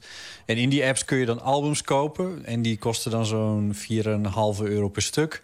Maar wat wel nieuw is, dat je een eh, abonnement kan nemen. eh, dat je kan gaan huren straks. En dat je ze ook nog op de computer kan eh, lezen. In plaats van alleen op een tabletcomputer.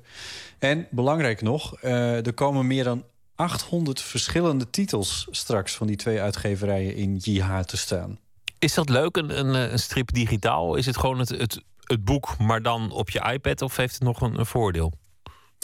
Ehm, nou, het, is, het, het, het hangt een beetje vanaf wat ze precies nog gaan doen. Dat is nog niet helemaal duidelijk. Die uitgeverijen zijn er nog een beetje naar op zoek. Maar wat ze in eerste instantie gedaan hebben... is vorig jaar het Vlaams Innovatiecentrum eh, inzetten. Die heet, dat heet MIX.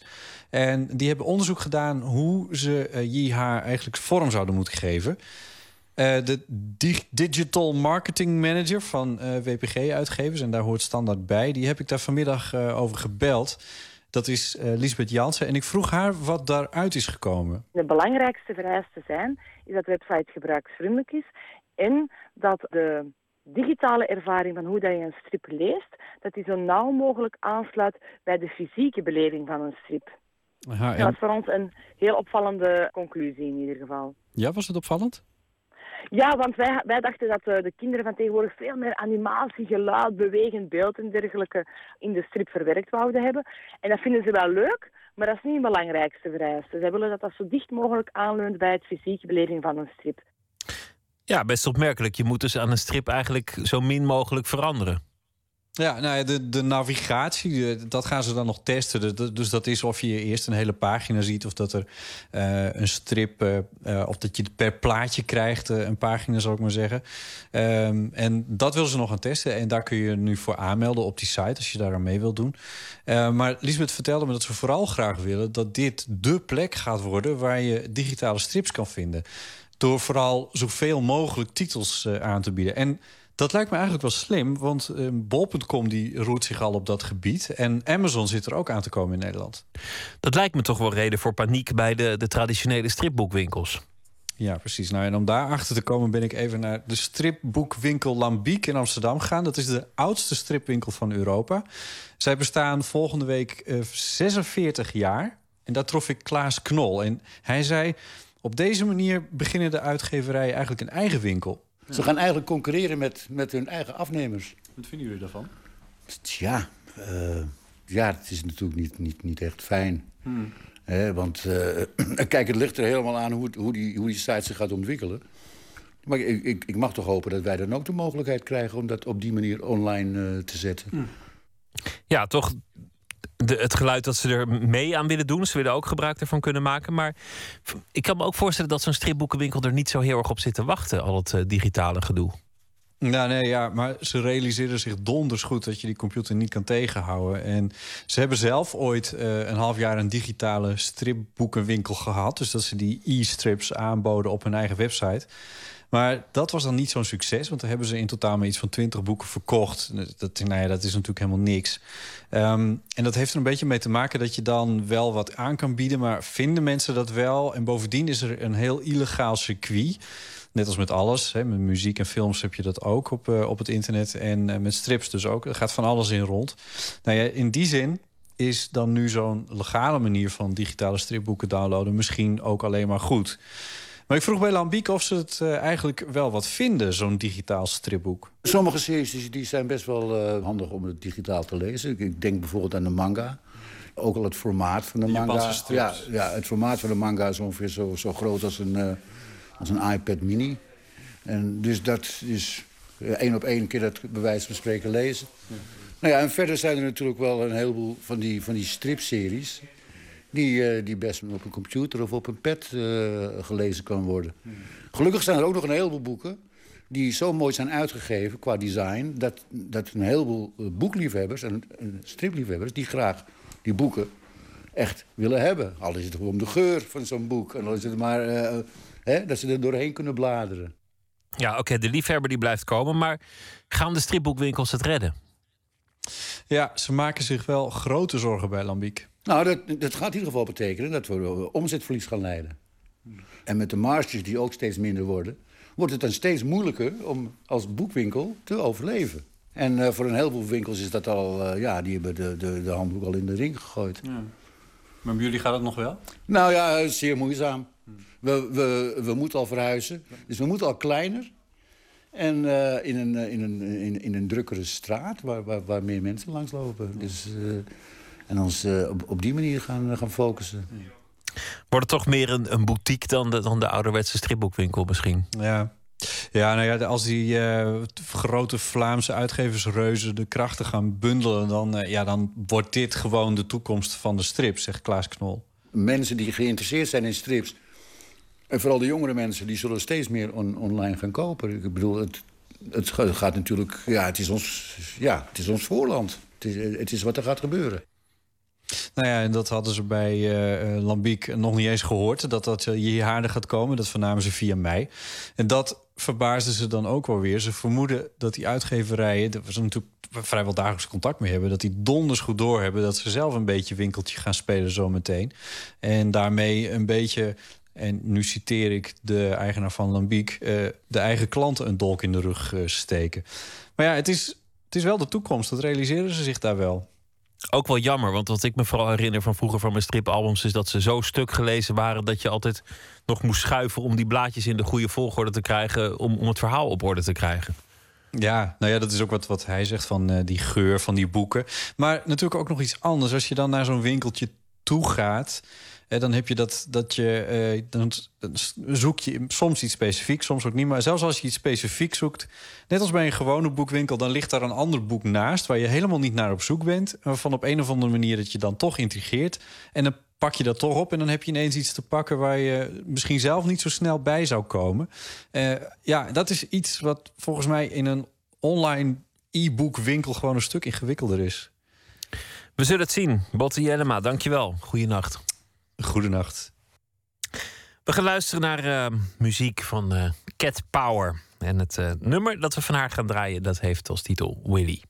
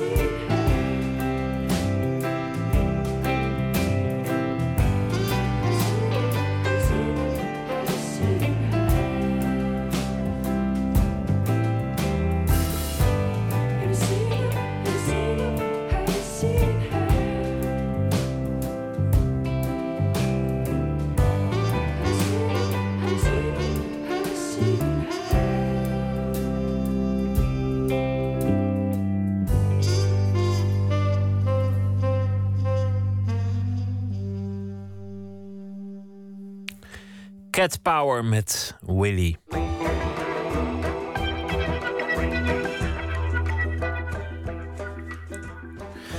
Land veroveren op de zee. De Nederlanders staan er wereldwijd onbekend. Het jongste stukje Nederland, de Tweede Maasvlakte bij Rotterdam, wordt langzaam maar zeker in gebruik genomen. Fotografe Marie-José Jongerius volgde dat proces vanaf het allereerste begin. Ze koos ervoor om alleen s'nachts te fotograferen. Het resultaat: een bijna buitenaardse indruk van nieuw land met een havengebied in aanbouw. Verslaggever Jan-Paul de Bond ging met haar terug naar die Tweede Maasvlakte, uiteraard ook s'nachts, om eens te kijken. Het hek is open. Hier stond een groot hek. En ehm, tijdens het maken van een van de foto's heb ik de sleutel meegekregen van het hek om vanaf deze kade, dus vanaf waar het bootje ligt, een soort van overzichtsfoto te maken van eh, het hele terrein wat ik heb gefotografeerd over de afgelopen twee jaar. En het was eh, nou ja, ook hier veel minder aangelegd toen ik die foto maakte. Want deze weg lag er niet. En er waren alleen maar hele grote rotsblokken. Dus we moesten nog een beetje klauteren over de rotsblokken. Stagiair was mee. En het was nog best een geklauter met die grote camera en het grote statief... om eh, bij het water te komen. Want vanaf daar heb ik de foto gemaakt. Maar het was een, een mooi nachtelijk avontuur. Dat zou ik zeggen. Je, Ja. je komt wel op plekken waar, waar wat voor iedereen gewoon dicht blijft. Ja, ja, ik voel me wat dat betreft enorm bevoorrecht. Absoluut. Even kijken hoor, dan zullen we even snel een beetje door. Nou, en wat je hier in het werkboek ziet zijn ehm, analoge prints die direct van de negatieven zijn gemaakt. Maar zoals die foto, dit doet je echt denken aan, eh, aan zo'n karretje op Mars. Gewoon. Mhm. Die paar bandsporen op een, in een, een volstrekt leeg landschap. Ja. Ja, en ik moest heel erg denken wel aan de woestijn. Ook de eerste keer dat ik er kwam, was het heel heet en heel droog. En alle vrachtwagens die er rondreden, die hadden ook zo'n stofwolk achter zich. Dus het was heel on-Hollands. Ja. Vooral s'nachts de momenten met dit soort bandensporen en bergen rots en puin om je heen... heb je echt het, inderdaad het gevoel dat je op de maan bent. Ook omdat het om je heen vooral zo... Het is gewoon leeg en oneindig. Het is een heel eh, aparte ervaring is dat, om daar dan s'nachts zo rond te lopen. Maar laten we nog even buiten gaan kijken. Ja.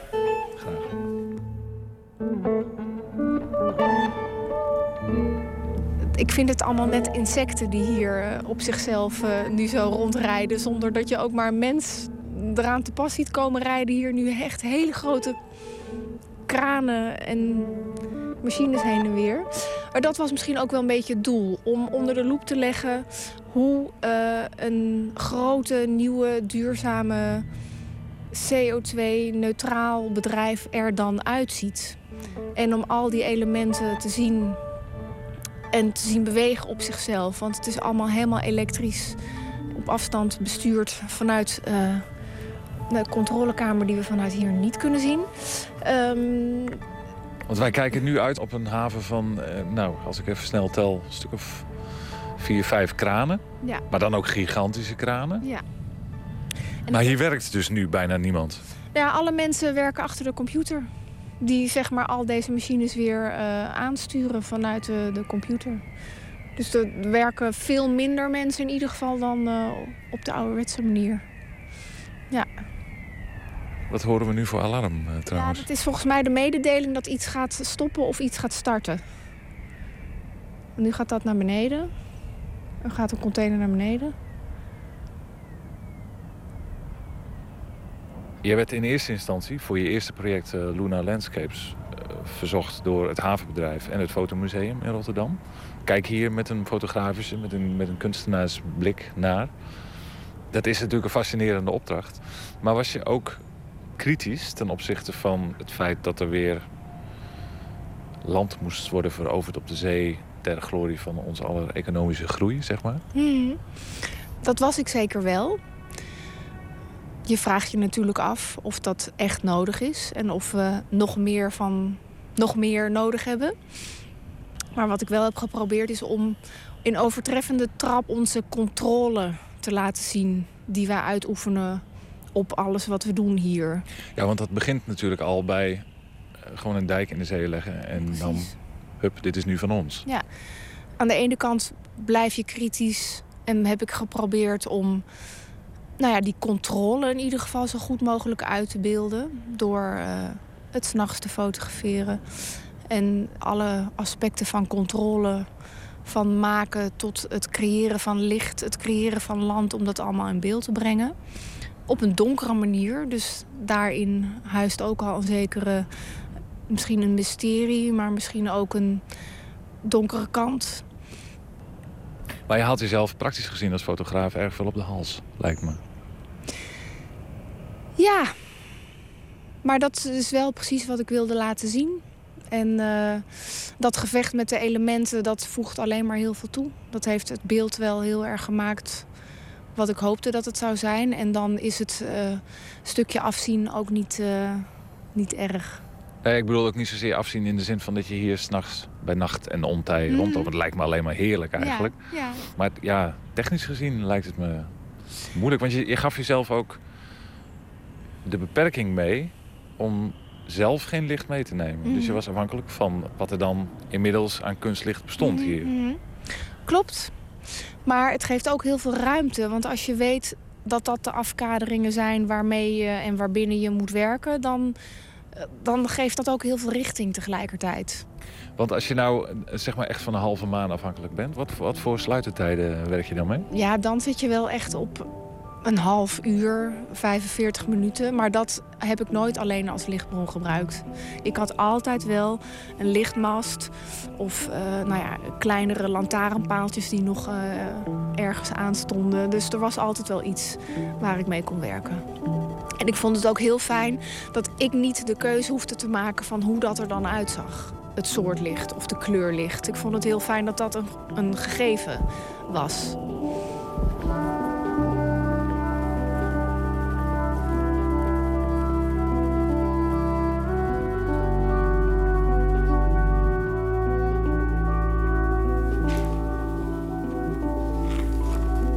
Ja, en dan hier zie je een klein beetje hoe het in de tentoonstelling straks eh, gaat worden.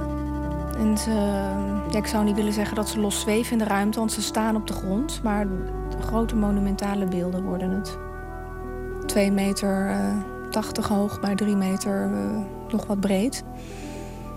En die schaal is ook, denk ik, zal heel goed werken, omdat je dan als toeschouwer ook bijna dezelfde ervaring gaat hebben die ik heb gehad toen ik hier s'nachts rond mocht eh, lopen.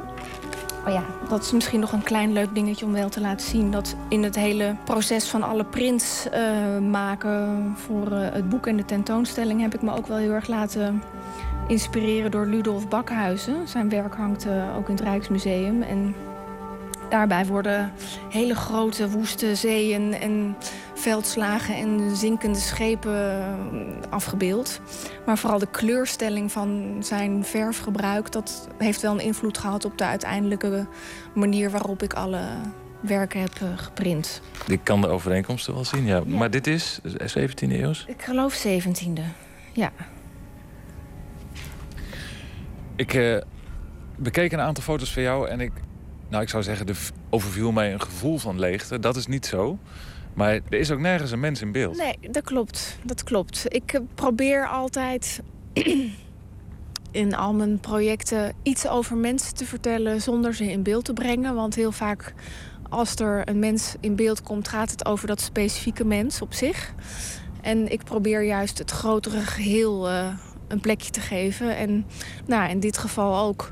Er is geen mens te zien, maar het is wel wat de mens heeft gemaakt.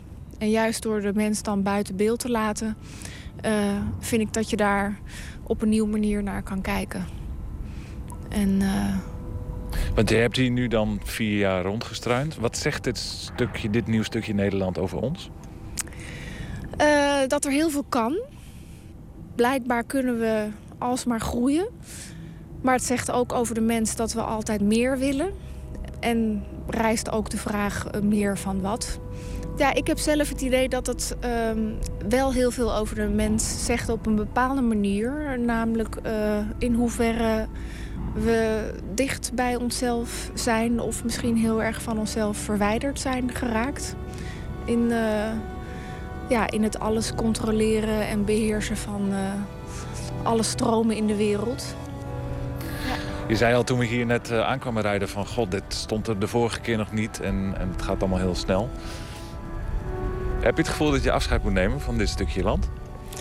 Ehm, ik hoop het niet. Maar het zou zomaar kunnen.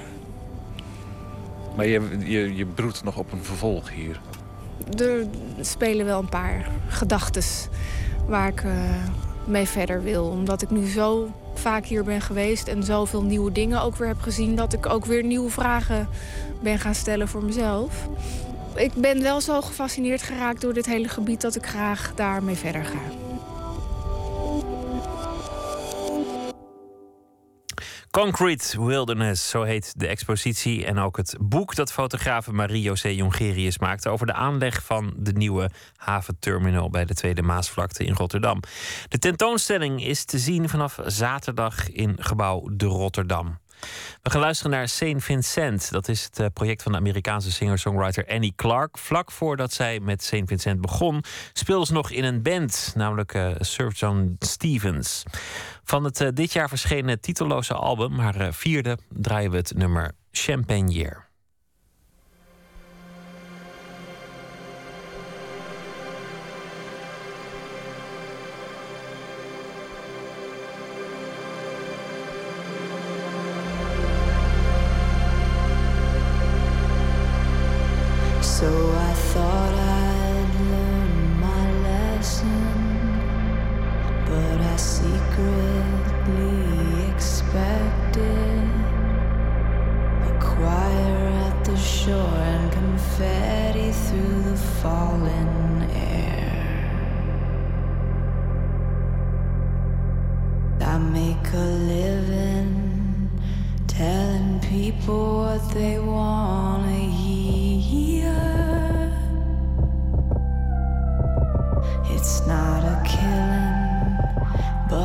Enough to keep the cobwebs clear.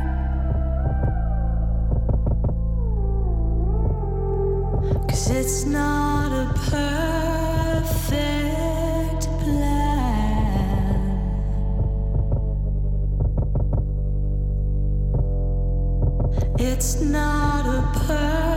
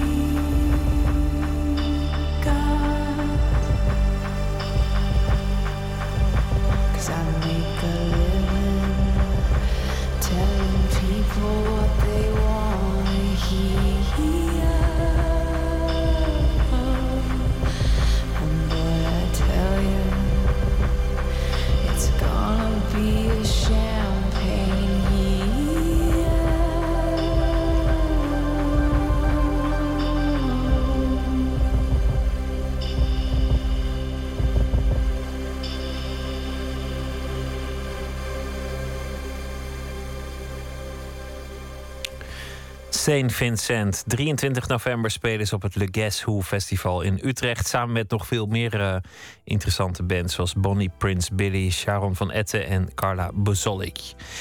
Morgen in Nooit meer slapen komt eh, documentairjournalist Michiel Driebergen langs. Naar aanleiding van het boek Lviv, Stad van Paradoxen. Waarin naast vele foto's van fotograaf Dolf Kessler zijn essay over de geschiedenis van de inwoners van die stad staat. Lviv wordt gezien als een van de mooiste steden van Europa.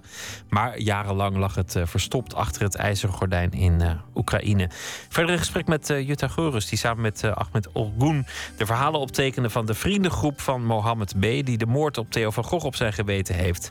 Die moord heeft ook hun levens eh, veranderd. In de tien jaar die zijn verstreken brachten ze eerst geruime tijd door in de gevangenis. En tegenwoordig eh, leiden ze een eh, bestaan in een uithoek van Marokko. Dat allemaal eh, morgennacht in Nooit meer slapen. Voor nu wens ik u een hele goede nacht. Straks de nachtzuster Astrid de Jong. Die, die zal het in goede banen leiden. U stelt de vraag, iemand anders weet het antwoord of andersom.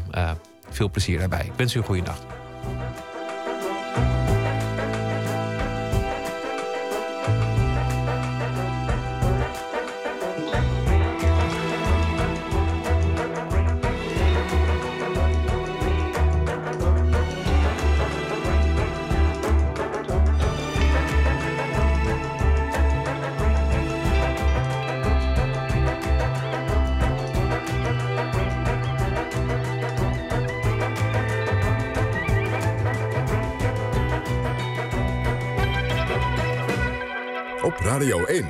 Het nieuws van alle kanten.